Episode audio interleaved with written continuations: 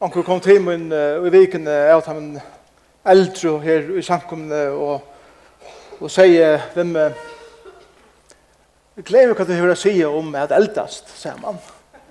Og hun sier, vi skal ikke ha silvbritt lepp enn. Men uh, verleisen er han er at uh, vi er ødel som uh, livet sammen som tjuen eldast sier man. det kan mye for alderen er. Vi har fylst vi hesten her uh, unga pæren som uh, uh, fann saman, fann karlægan ui kvernøren. Uh, Lugga fra til åren de har heller ikke funnet hver annan. Og så møttes de, og de ginko saman, og de lærte hver annan bedre og bedre å kjenne. Så giftes de, og de kom gypri gypri inn i intimitet saman, er luta til intima som løyve mitteltjun innenfor tjunaband bjóar.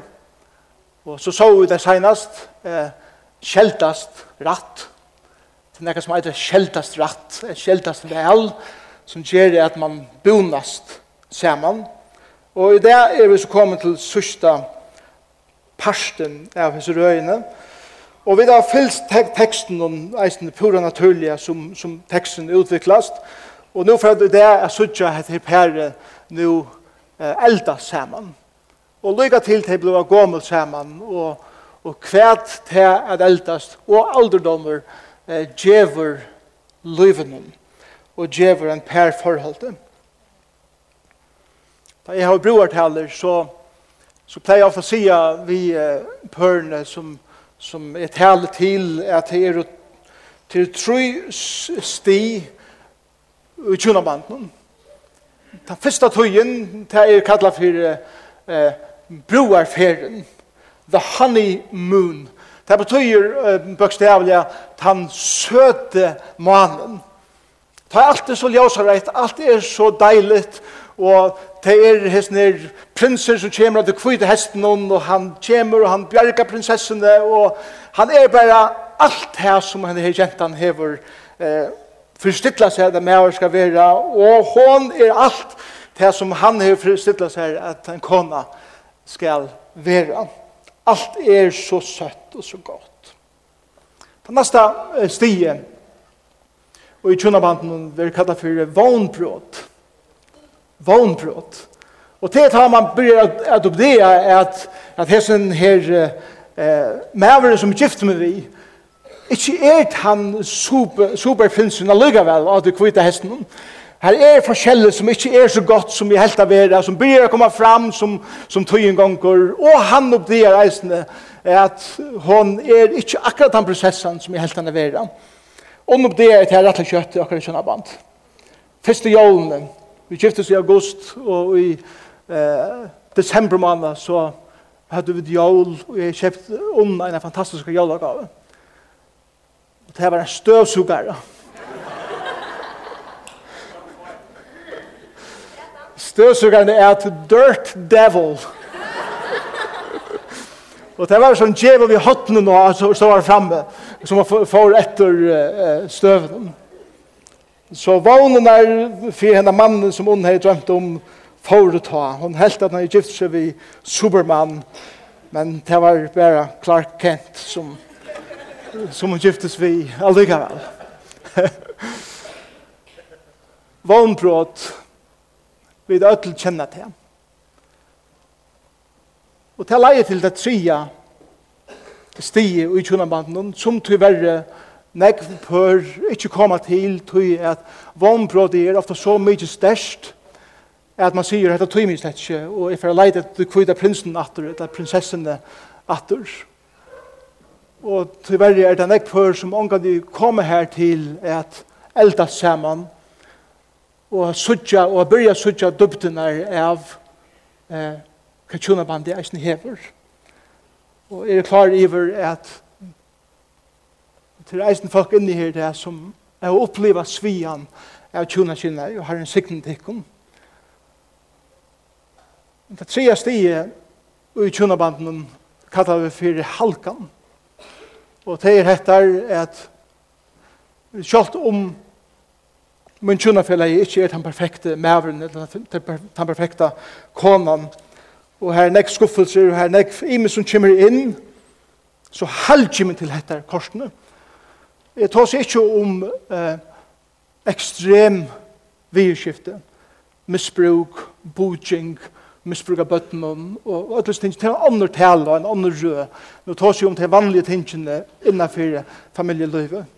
Han er halgande til at jeg vet vel at kona min er ikke perfekt, men jeg skal bare hitte spekkel sjolver, så vet jeg eisen lukka vel at jeg ikke er så perfekter sjolver. Men halgande til at jeg skal elska og æra min eller mann min alt løyve i djøknum.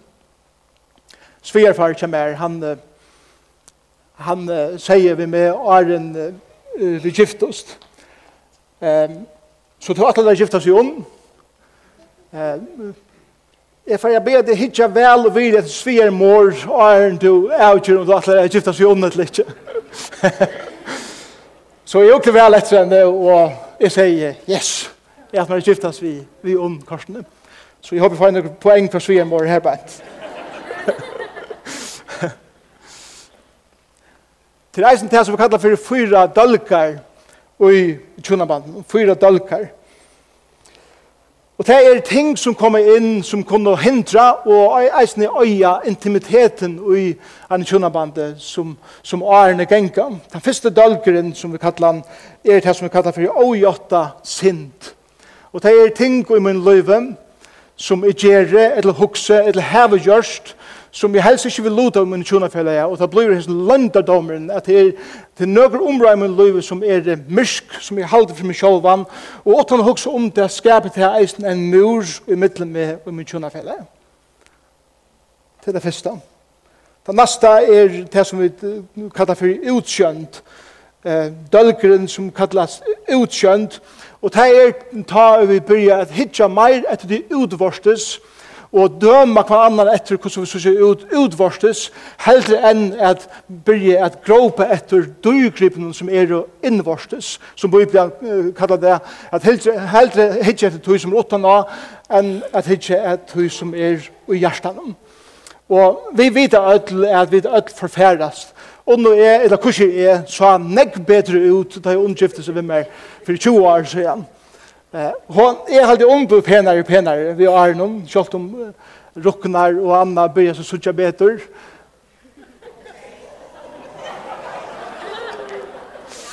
Nu sov jag soffan i natt. Men det gör jag inte. Jag sover så ofta. Men det heter att lära att, att at læra suttje hettar at ja, det er utvorses fer, men det er innvorses ingest og gjerst sterskare og sterskare vi og æren at læra det. Det tredje, det tredje dølgren kallar vi for lete. Og det er til at, at Tjønabandi er en årstagærer, og, og heite for vungar til årstagærer har vært heite som for alle som har sannsyn, og det er til at det ikke er tyma at at røkta og at, at gjøre det som skal tilfyre at blomene spretta. Det tar seg om at ikke lade revene komme inn og øya Ørstagæren. Det er at jeg, tror ikke, det er ikke ferdig, det er, er køyrbæra og, og, og jeg tror ikke at arbeid på mitt kjønnaband, jeg tror ikke at arbeid på samskiftet, jeg tror ikke at, at, at færa inn i disse tingene, jeg sette meg inn i hvordan han kom og hukser, eller hvordan maver er, og hvor man reagerer på handamaten, og ikke på hinmaten, og, og alle de tingene her, bare tog meg ikke, som gjør til at tjønnaband eisene ikke kommer til, ofte til det potensial som det kan komme til. Og den fjore dølgeren er det som vi kallar for glømska, og til det vi gløyma er at akkurat tjønnafellet er en underfull gava fra Gode. Tjønnafellet er en underfull gava fra Gode.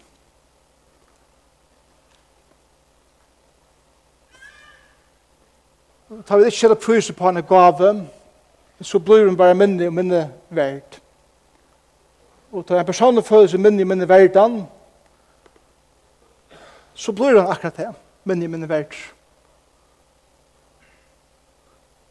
Hvis jeg djeves til å vakne opp om morgenen, Og for en og fyrir at ond er en fantastisk gava for gode som han har givet mer. Så det er veldig kjøtt at hun blir bare en person i min liv som er livet samme vi, vi tar samme køk, vi tar samme kammer, vi tar samme ves, vi lever under samme tætje, men annars lever vi fullkomne kvørstøtt liv. Og hvordan er vi er ikke her. Og til at eldast saman, til at blir gammalt saman, er nemlig hettar at læra og som vi får suttje i hasansjen, er at løyve saman kan halda av er blomstra.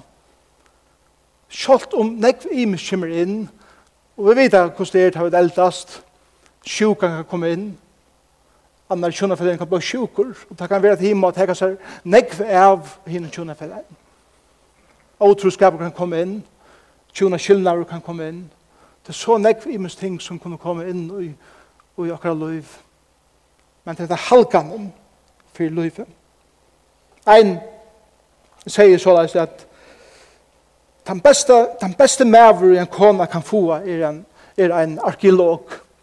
Dess eldre en bliver, dess mer spennende bliver hun. Og så leis er det sikkert. Men er det klare for en i halsangen? Ja. Og for hitje er teksten om, vet du hva han sier vi og om. Vi enda og heinast, vi har sånn at de har haft en konflikt, de har Michelin kommet inn, og de kom her til hver de dansa sammen. Og de dansa i samme stevi og takt til at enda reist var kommet inn og til at arbeidde i jøkken og konfliktene som gjør det at tjonabandet ble enn og gypri i mittelen deg. Nå er det akkurat som, for jeg bruker som myndene som jeg har brukt i jøkken, at nå ble senan mysk atter og så kommer ljøse fram atter og en nudj sena kommer nå fram og nå er det årene gingen, eller årene gengen, og han tåsar. Han byrjar at tåsa vi hemma, og man løter for hon så er svære atter, og for at suttjan er veldig sannleikar om hva det betyr at eldast saman. Ofta sier vi boja bæra, at for eldst ikke fer nok, og realiteter skibar inn, og ødelstingene her, og det er sannleikar tøy, men jeg halde at det som vi får suttjo i det er hettar, at forelskelse som de følte fra byrjan av, som, som streima i deg, fer ikkje vi åren, men det kommer bare inn i nødt perspektiv, og det får større visdom at han fer at jeg forelskelse som vær her middelen deg, men det døyr ikkje. Hese bæge elskar kvann annan, og de viser det, og de njóta livet saman, som, som ein sier vi mye gjør, at elda saman betyr eisne at inja saman samtugis. Ein så ørnen at dyrkjen kjemur gypri og gypri sjalt om likame fyr. Og det er det som vi kommer sutja i hessen sannleikan i det. Vi, vi så fra første og øren kapitlet at, at det var nekka som byrja jeg veksa i middelen deg.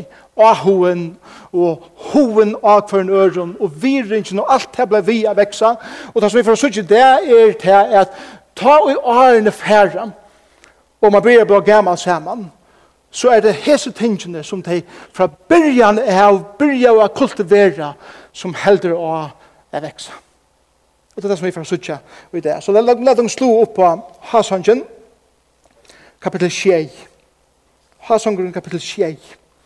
Og får suttja nokkur ting veksa og økjast. Det er aller første som vi suttja bør vi a veksa og ut herra tjonabandi er ahoen fyrir kvarnøren. Han talar. Nu er det aftur einsamall, sikkert inn i kameran aftur. Og han sier vi henne som fotortøyen støyer vekkust og skekvinnen til høytinga døtter. Men er broer nåttene, hver byrja han ta, jeg tåsa vi henne, men jeg sitt, Han ber jeg her oppe fra, og nye etter. Hva for han gjør nå? Her Här fra, og oppe etter. Og han, han börjar ta seg om beinene og konen. Jeg vet ikke hvordan vi alltid kjenner bibbene og føttene og konen dere, men men det som han lærer oss her er til at vi er bliva granskere av kvørnøren. Jeg vil eie kjenne hver annan, detaljere. Og det er som han sier, han hikker etter foten til henne, og han sier vi henne, som foten til henne styrer vekkust i skrekvenen. Det er så fantastisk gongelig. Jeg beundrer beinene til henne, jeg beundrer føttene til henne, som jeg hikker at bippene til henne, to høvdinga døtter. Og hun her gjør eisen til at, at han hikker ikke bare etter hvordan ser ut. Han har kallet henne vinsøyen, han har kallet henne for digvan, han har kallet henne for ødelse tingene, men her er en titel som han sier, ja, men som er kommet kjennende gjøkken og ærene, så er det blir å suttje alle de her interne kvalitetene som du hever, og du ber deg selv som en høvdinga døtters karakterene hever til av en kvinne som er stersk, og som tårer å standa opp, og som hever tøyne meninger, og som tårer å stuja ui tøyne fote, eller å tøyne fote, ui tøyne skån, er det som han sier her beint.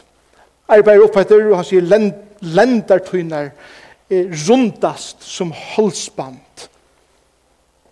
Han ser formen av henne som at halsband ligger om, om halsen, så han ser han lendene av henne.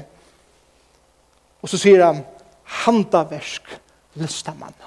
Det er ikke som de største listamennene som heva mynda hese her veldige figurene såleis er det sånn at jeg elsker jeg min. Fengt ut er som rundskål. At man lykker forklarast.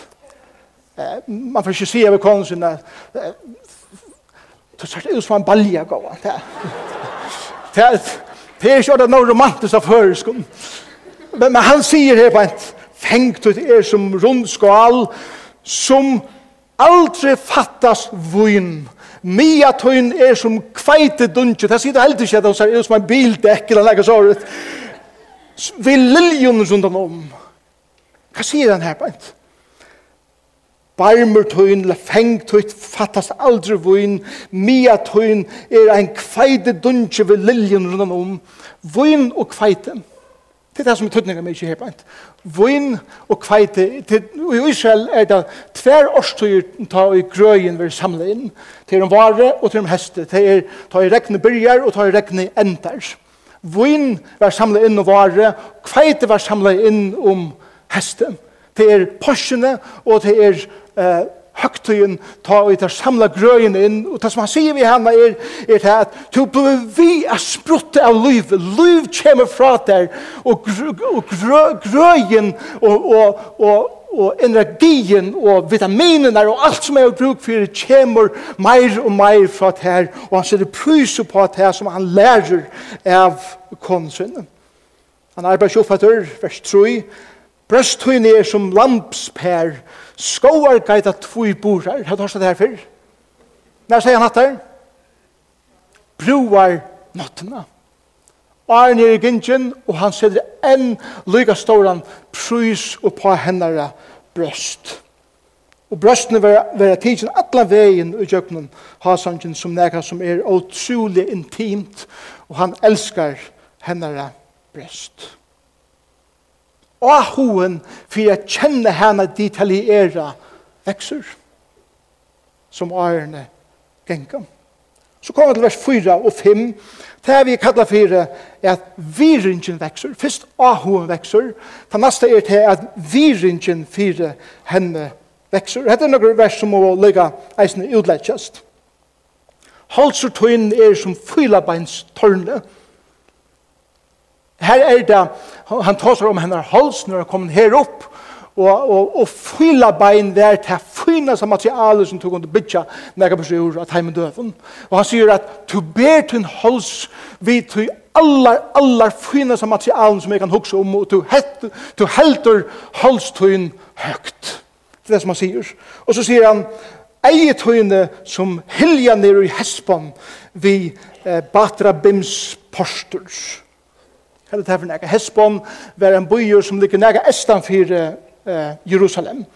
Han var særlig kjentur fyrir tveir hiljar som tar i færa menn kom ur øyemørsene og er enda for innjøkken bojaforser i Hesbon så var det, var det en delikatessa er færa nyer ui så frysk og hilana vi frysk og vattnet er vaska støv vi er og så er det enda først inn i eh, byen og det som han sier vi henne er vi er sammen vidt her er forfriskant. Det er som å jeg et bæ, ta i trønge til det, og være forfriskaver av nødjen. Nøstøyen som Libanons tørn. Uff. Du har så prakkfulla nødskål. Det er som et tørn. Altså, tja, det sier du ikke ordentlig. Og det er vi kom den. Men han sier det her, bant. Og jeg hikker imot Damaskus. Libanons tørn, um, om en fudgjende skulle komme til Jerusalem og teka byen, så kunne det ikke komme sunnene fra til her var, eh, her var en del i midtelen som gjør det omøvult å komme opp og teka Jerusalem. Estene fra kunne heller ikke komme til at her var andre deler som gjør det eisen til at han var velvartur Estande fra kunne du heller ikke komme til at det var så bratt opp at du klarer ikke det eneste stedet om man herer skulle lette av Jerusalem og teka stegen der norrene fra. Altså mot Damaskus, det var norrretter fra Jerusalem. Her stod dette tårnet som var vel vakta av vaktarmannen. Og det som han sier vi henne er til at to er som henne kvinnan som hever styr av øtlom og to er vel vart. Hva det har vi å gjøre at det veit ikke akkurat. Men, men han lyser kone sånn som her, som, som en som minner av at futsen der som røyna leipa av er velvarter til to hører egen etter øtlen tog som potensielt kan leipa av okkara tjonaband. To verger okkara forhold i det som han sier. Vers 5 Høttugt er som karmel. Karmel Hvis du er i Israel, og du vil kjøpe et postkort jeg sende hjem, for jeg viser vekerleikene av Israel, så er Karmel ved et av støvene som er alt. Jeg køyrer jøkken, vestre til jøkken Israel, Deal, og så sutja Karmel fjallakjedene for framman er en fantastisk sjøen. Og han sier, vi henne høttugt er som Karmel. Karmel. Du er så utrolig vøker. Karmel er et, og er et gråra rukt øtje. Her, her er alltid grønt av Karmelsfjallet. Her er alltid grøying som fyrir fram, og her er massar av vattne og vattenkjeldun. Og han sier at, at høtt høtt er som er suttja løyve oppi av Karmelsfjallet. Og så sier han etter og lokkaner, her sier han til hare, og at hun som purspur. Purspur var eit av de dyraste materialene som var av dem døven. Det kom fra en særlig kjeljafiske som kom bare nekra for på land og ble fengt over, og urtøy var purspur gjørst. Og det var en røy røyaler liter. Og det er som at, at Salomon sier her, at, at jeg er eh, maktmiklaste maver i heimen. er kongren som ræver ødlene sine økene, og har alle makt i, i min hånd. Men så sier han i vers 5, Lokkar tøyner er som porspur, kongren er fengaver i taimon. Det er akkur som han sier, jeg eier alla makt, men to eier meg. To er fenga meg. To er fullkomna styr av meg. Så det er virrigene som han hever fyrir konusene. Ahoen vekser, virrigen vekser, Men det er sikkert hendt i til tøyne til det jingus saman. Henne er sjåls virvaks. Hva hendt i henne minna sitt? Hoveren til det kinslige vakseisene. Og til det som vi får søtja nu fra vers 6. Hoveren, intimiteteren vekser. Det kan godt være potenseren minka vi har noen. Jeg har onkel spørst ung, til ung, kom til et helt ikke forstille deg om det, til hva foreldre er sånn sammen. Og det var, og så var jeg, men her, her sier vi et per som er kommet på årene, hver seks løyv i middeltid enn blomstrar. Og målet som han brukte broarnottene er at det mål som vi ender til ikke herbeint fra vers 6 til 13. Hoveren, intimiteteren vekser, og han sier vi henne, som du har vøker, som du har indeslig, du vil elska jeg. Fakra. Vokster til en løgjes palman, og en er som vinbær, så nå er han urleten, og han hikker etter henne som er palmatræ, nok dadle palmatræ, som, som, som stender herbeint, og, og er så utrolig av vekk, så ikke? Han hikker etter brøsten til henne, hvordan frukta bør de er, han kallar de vinbær herbent. Brøsten er som ber, vers 8.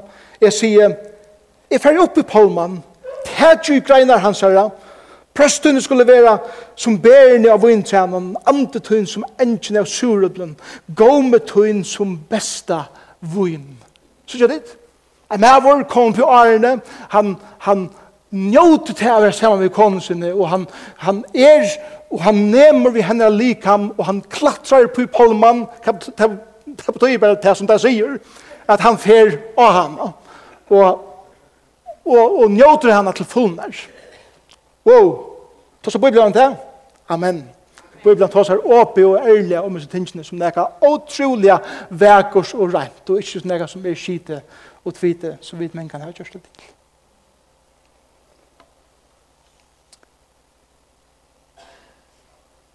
nu er han lever jeg snakke. Og hva er det det gjør til kvinner? Hva gjør det vi, vi tikkar løyve at tikkar maver tåsa såles vi tikkum.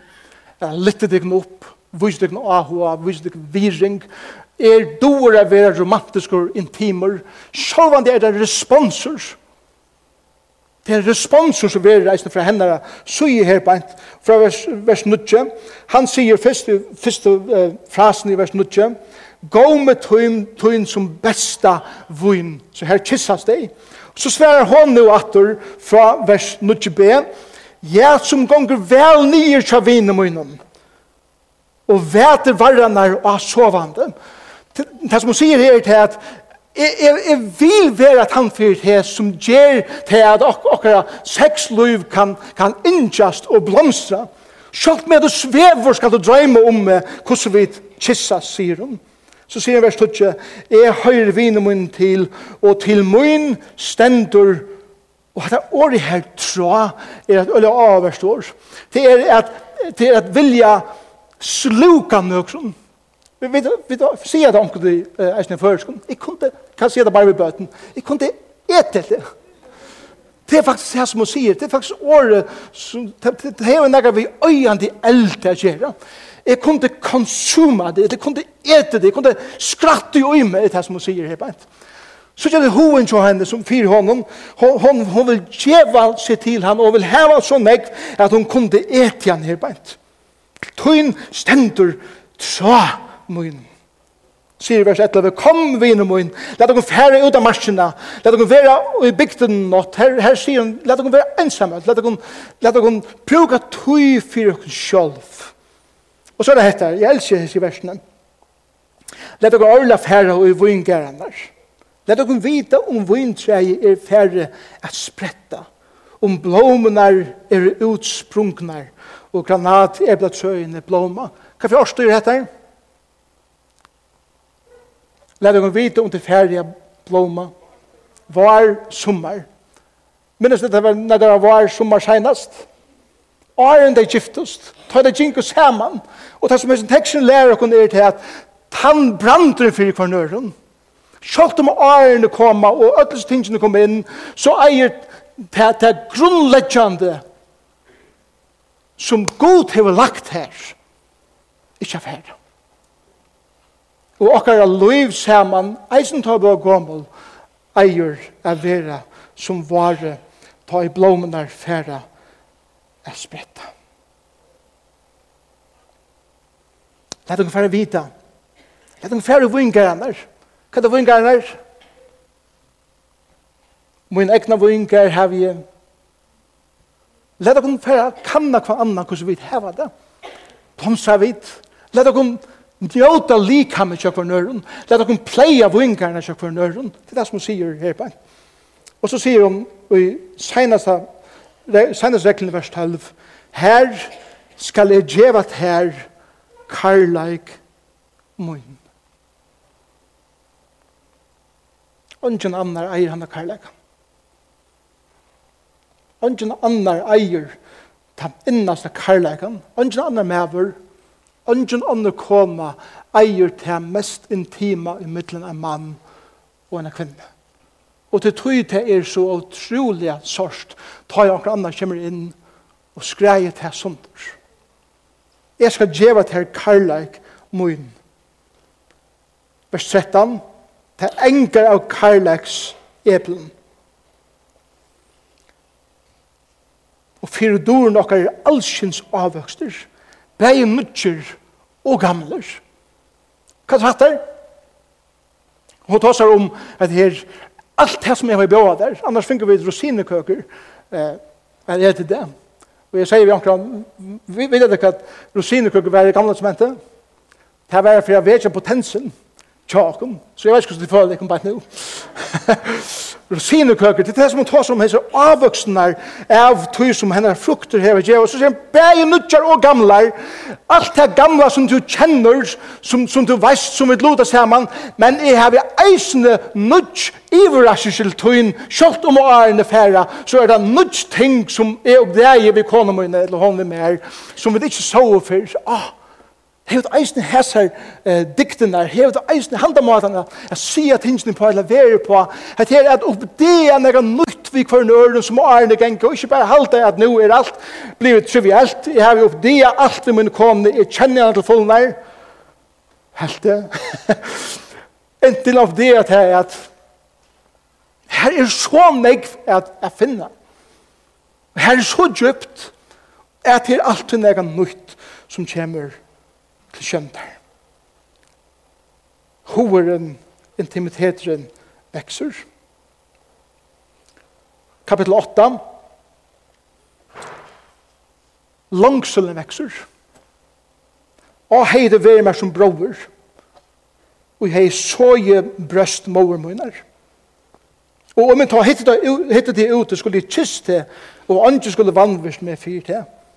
Jeg skulle lette og fer vi her inn i hus mormøyner, og til skulle last med, og jeg skulle skongt der kryddvun løyen av granat ebletreie møynen. Og i hese kulturen, og ennå i det, hvis du først inn, inn og i avvisar byarparsteg av Jerusalem til Lømmes, og i den ortodoxa jødiska, og jeg, og jeg, jeg leie um, ond, så kunne vi vanta til at anker gommel ortodox omma her kommer etter med en stav og sli og Så man leier seg ikke i hans mentan. Man helder ikke om hver annan. Man viser ikke kjensler ut etter i hans mentan. Og det som hun sier her på at å, jeg vilja at ta og vi genge ut og se man at jeg kunne vist allment hvordan jeg er elsker det. Og jeg, jeg bare kunne vust ødlun hvordan stor en karlag jeg har fyrir der, men hun vet det, at kulturen løyvde ikke, og tog for jeg dreier det inn i okkar hus og djeva her alt som jeg vil bjóa her her men hun langtist etter jeg skal bare vysa karlægan fire øren vers 3-5 kallir fire og Nu, nu fer akkar som flowet i sin teksten er brøyda som lydsynder, og vi fer at hitja synder atretter. Og hetta kallir fyrir minnen i økjast. Vinstra hånd hans er under høttemunnen, og høyre hånd hans er teker med i faun. Hadde sagt før. Ta det jinkus heman. Hold langtus etter å være tidsen heman. Vers 4. Er bøne til kun død til Jerusalems, gjer ikke karlagan og fri, og regan ikke fri han han vil sjølver. Hadde eisen lyse før. Ta han sier, Jeg vet at kjenslene og hoveren til det seksuella er ordentlig godt, men ikke enn til vi det ikke gifte enn. Nå hukser hun atter om hvordan det vær ta og minnene økjast. Skåndel vers 5. Hvor er hon og kommer her ur, ur øyemørsene stiande se at vine synen. I kapittel 3 så vi hvor er dette som kommer ut ur øyemørsene vi hesten stølpen som er et røyk skudg ta i, ta i brittleppet for fram, men nå er det blitt gammel. Stiande se at vine synen. Og til den mynden er man ser at det gamle pære nå kommer gengande, det halde om kan annan, gonglei orskar ikke være langer, det stier seg av nøren, og nå er det blitt gammel sammen. Styrstjen i færen og likhamnen, sjuke kommet inn, Det hjelper å stige for nøren på alle måter som det kunne.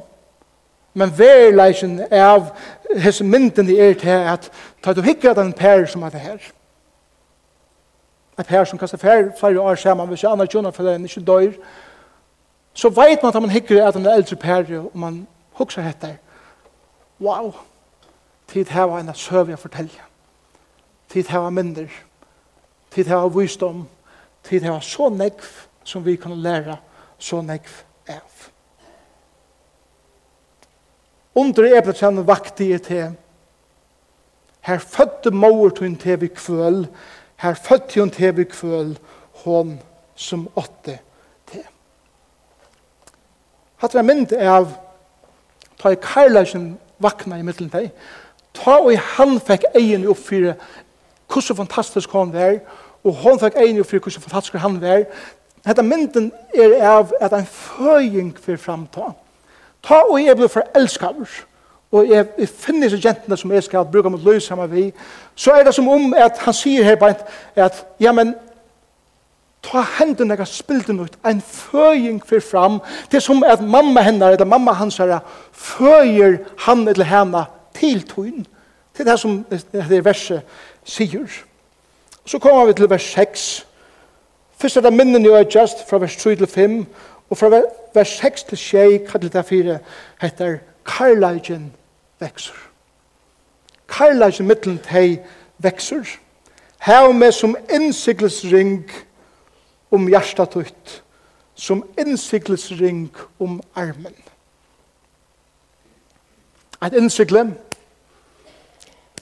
det er et stedfeste åknerskap. Det Og det som hon sier vi, vi han er Gjer med til tunne ogn og i tunne hjärsta og eisne om armen vi ørnen ørnen hev med og hjärsta dunnen og bæra med og hev onga annan skjønlian men utan bæra med Vær tryggvor, er det som sier her.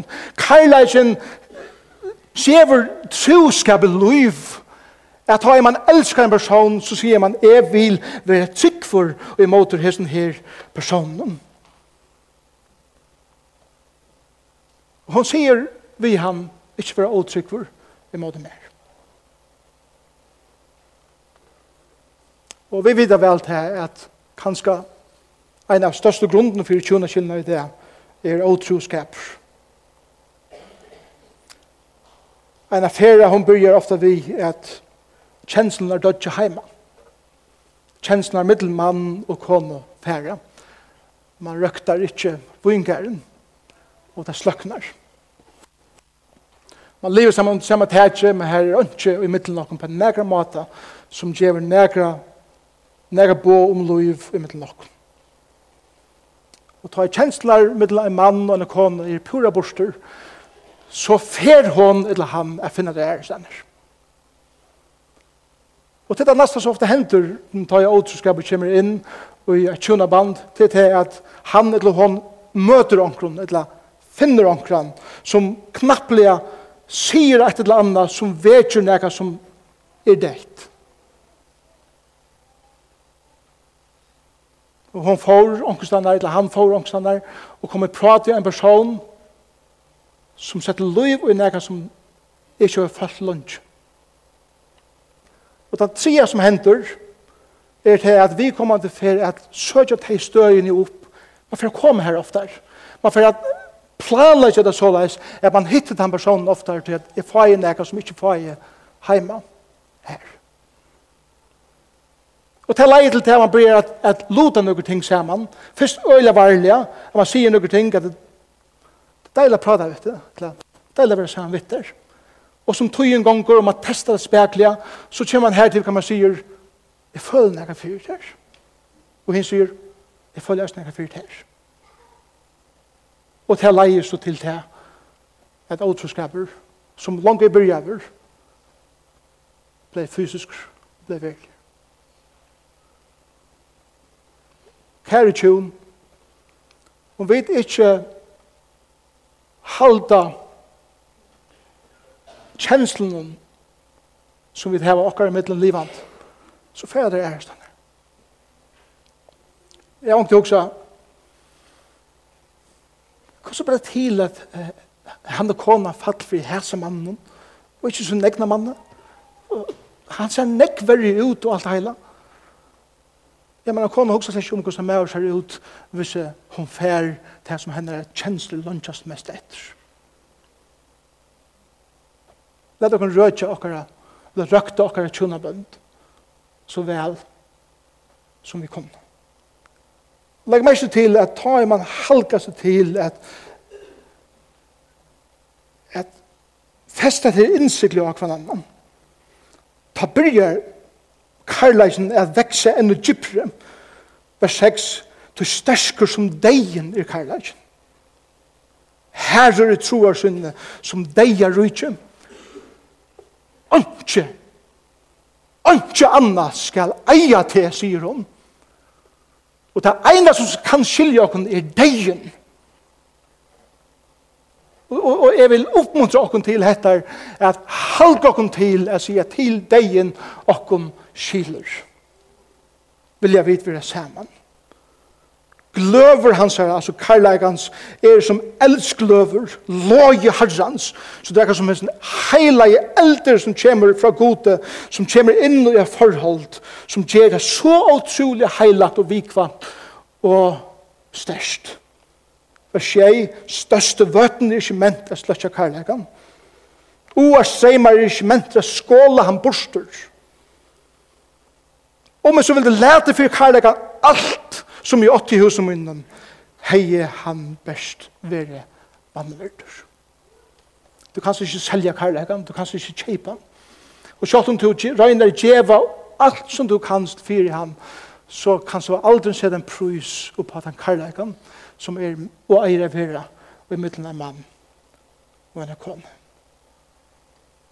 Karlægen vekser.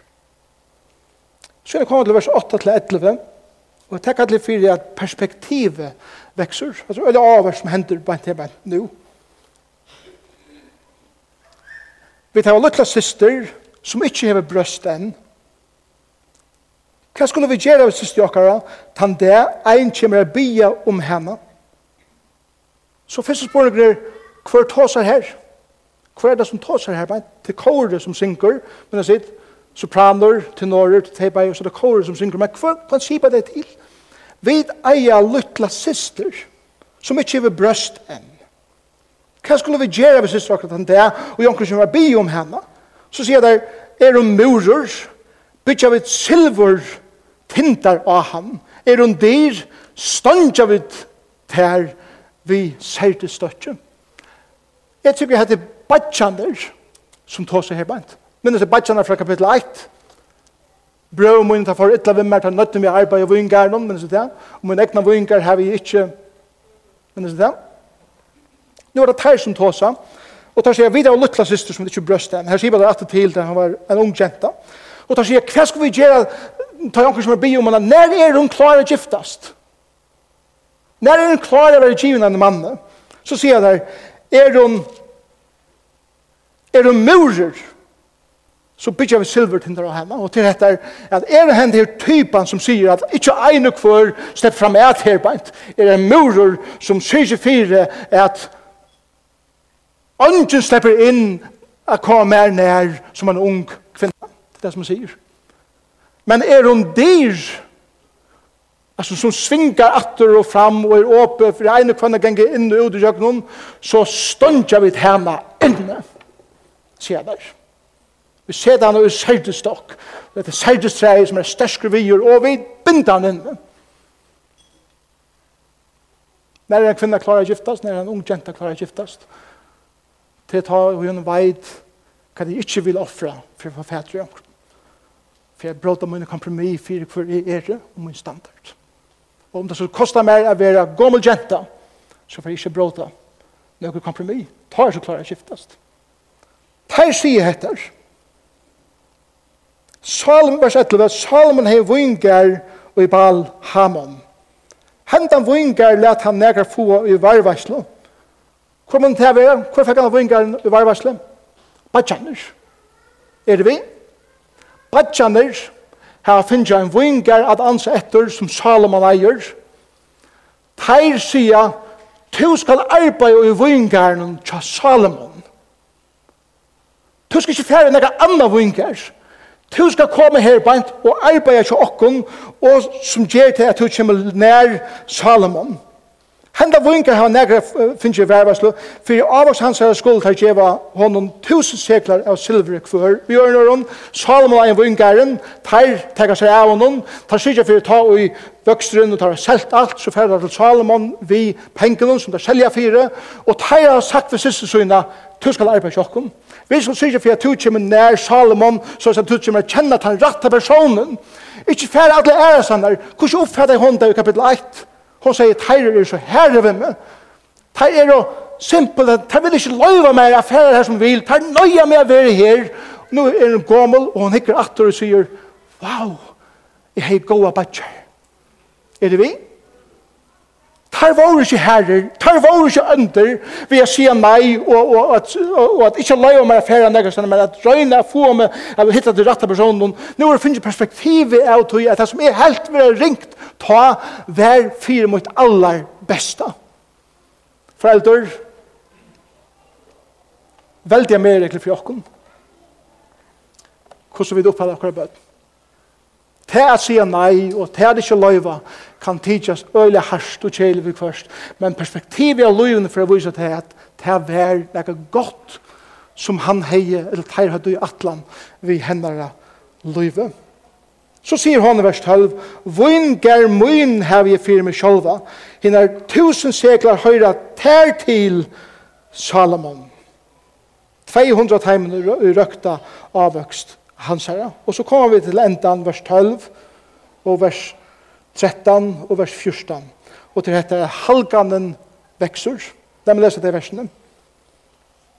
Vers 13, «Tu som borst og jørslagørnen, Viner, lusta etter rødt tøyne, let meg høyre henne. Hon sverre at vers 14, flutja, etla, kom, viner min, vær som skoargeit, som unger gjørster av fjøtlen, vi engande urstum. Hva sier hun her? Hon sier vi henne mannen, kom, til unga skoargeit, Hon, hon ser hans ikke gamla enn, hon ser han enn som en er unglingen, futtande styrke, og sier, kom, jeg er i her til tøyen er njóta, og vi sier seg felags halgana til for annan, og svarbarheitena som det djeva hvern øren inn i sutt liv. Og så er det akkur som bogen endar bare vi at hei færa rennan det sted. Njóta til hvern annan, og livet fortsetter lykka til tei dodja. Så, som jeg endte, så har jeg sett etter at leita, at leita etter karakterer og egenleikon er det som det begynner vi. Og spyrir spurningen, hver er det er, Hva har vi er å bjóa en som vi skal leva sammen med resten av min liv? Og hva leiti jeg etter å gjøre nøren? hva karakter kan jeg bjóa? Så kom det saman, det var den neste talen, Vi lærte her at jeg brukte tøy sammen som, lær, som lærte til kjennskap, år, som lærte til åpenleika, og det oppbygde viring for kvarnøren, som lærte til alit. Det skapte større ahua, det skapte kjølsvire, større ho, frahalt, langsull, våner, åpenleika, og atterhalkan, og atterho, og atterfrahalt, enn det her liv. Så kom vi til til tredje talen at livet sammen, vi tok det broar vukslene, som var kjent av heilalega og glede, broar notten, som var en utrolig mynd av at kinsliv og, og det intima livet er romantisk. Det var jo virligt, det er trygt, det sensuelt, det rent, og det er. Så lærte vi senast at det bonas saman, konflikt kommer inn. Det første som han gjør det var at han motgjeker ikke. Ørste det var troende vekser. Det neste var han lad god brøyta. Ørste det var at viringen vekser. Det tredje var at han var åpen for samskiftet. Ørste det var at alle det vaks enda mer. Og det fjorde var at han firegav og endreiste. Og ørste det var at de bonas saman og dansa saman. Og det er har vi tukket er hvordan det elda saman, og hoen vekser, viringen vekser, intimiteten vekser, langselen vekser, minnene økjast, karlæsjen vekser over djupare, perspektivet vekser, og heldamenten blir myndast, og halganen og sårbarheten vekser. Til hasangsen. Til det som henne bogen lærer dere. Så som jeg endte,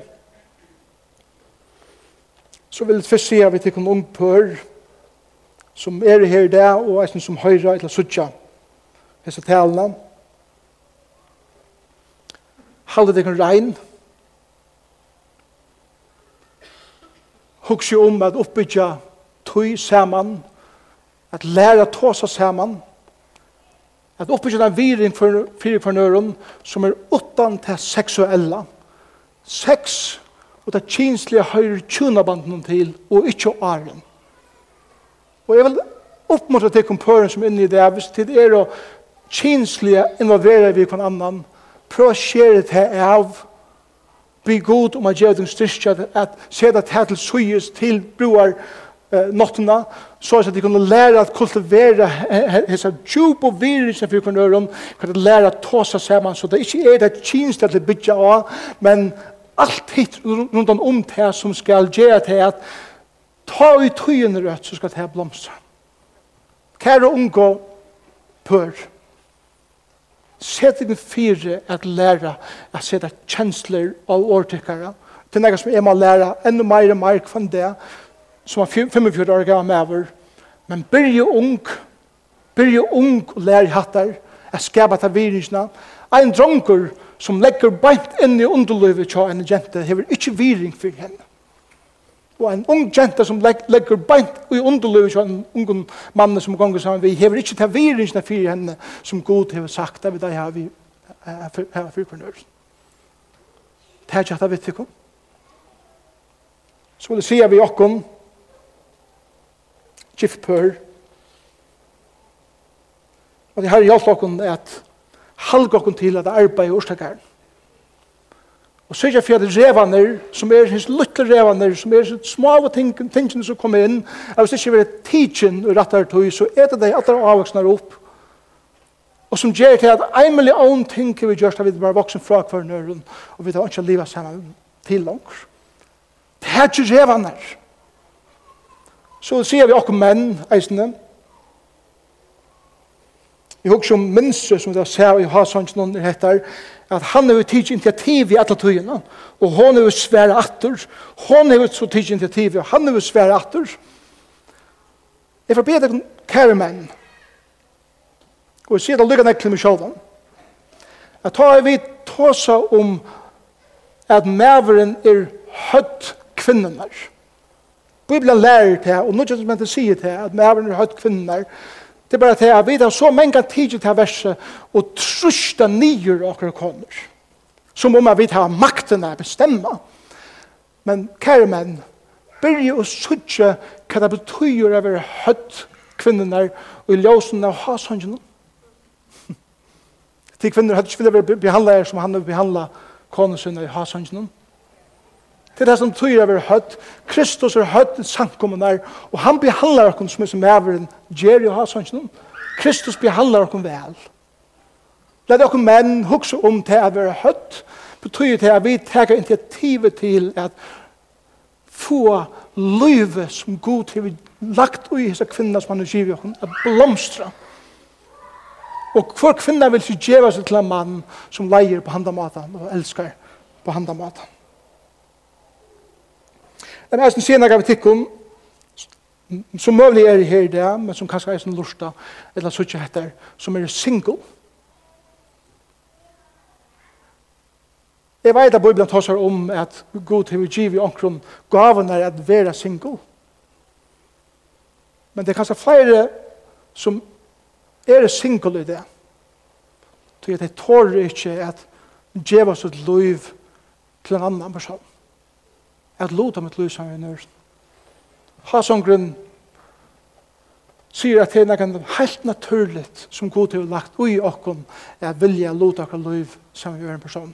Og jeg vil bare skrive til menn eh, som er avgifter her, kvinner, prøv å tenke chansen, prøv å tenke sårbarhetene, og offra det til å lota ditt liv sammen med en øren person og vi hva Herren kan gjøre vi tikkun som personer.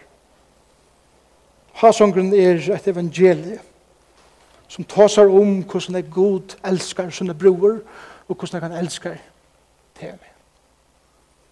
Evangeliet kommer inn i okre tjona band og som gjør til at vi blir livet til som tjon som spretter ut av öll teg som er rundt om okken fra byrjan er fra tøyve er ung og atlan veien ut etter til at vi er bliven gommel saman. Som at i Herren tidsi seg bøytina og lagt han av okna hjertan og hjelpt okkon at hugsa om hver vi er som menn og som finner.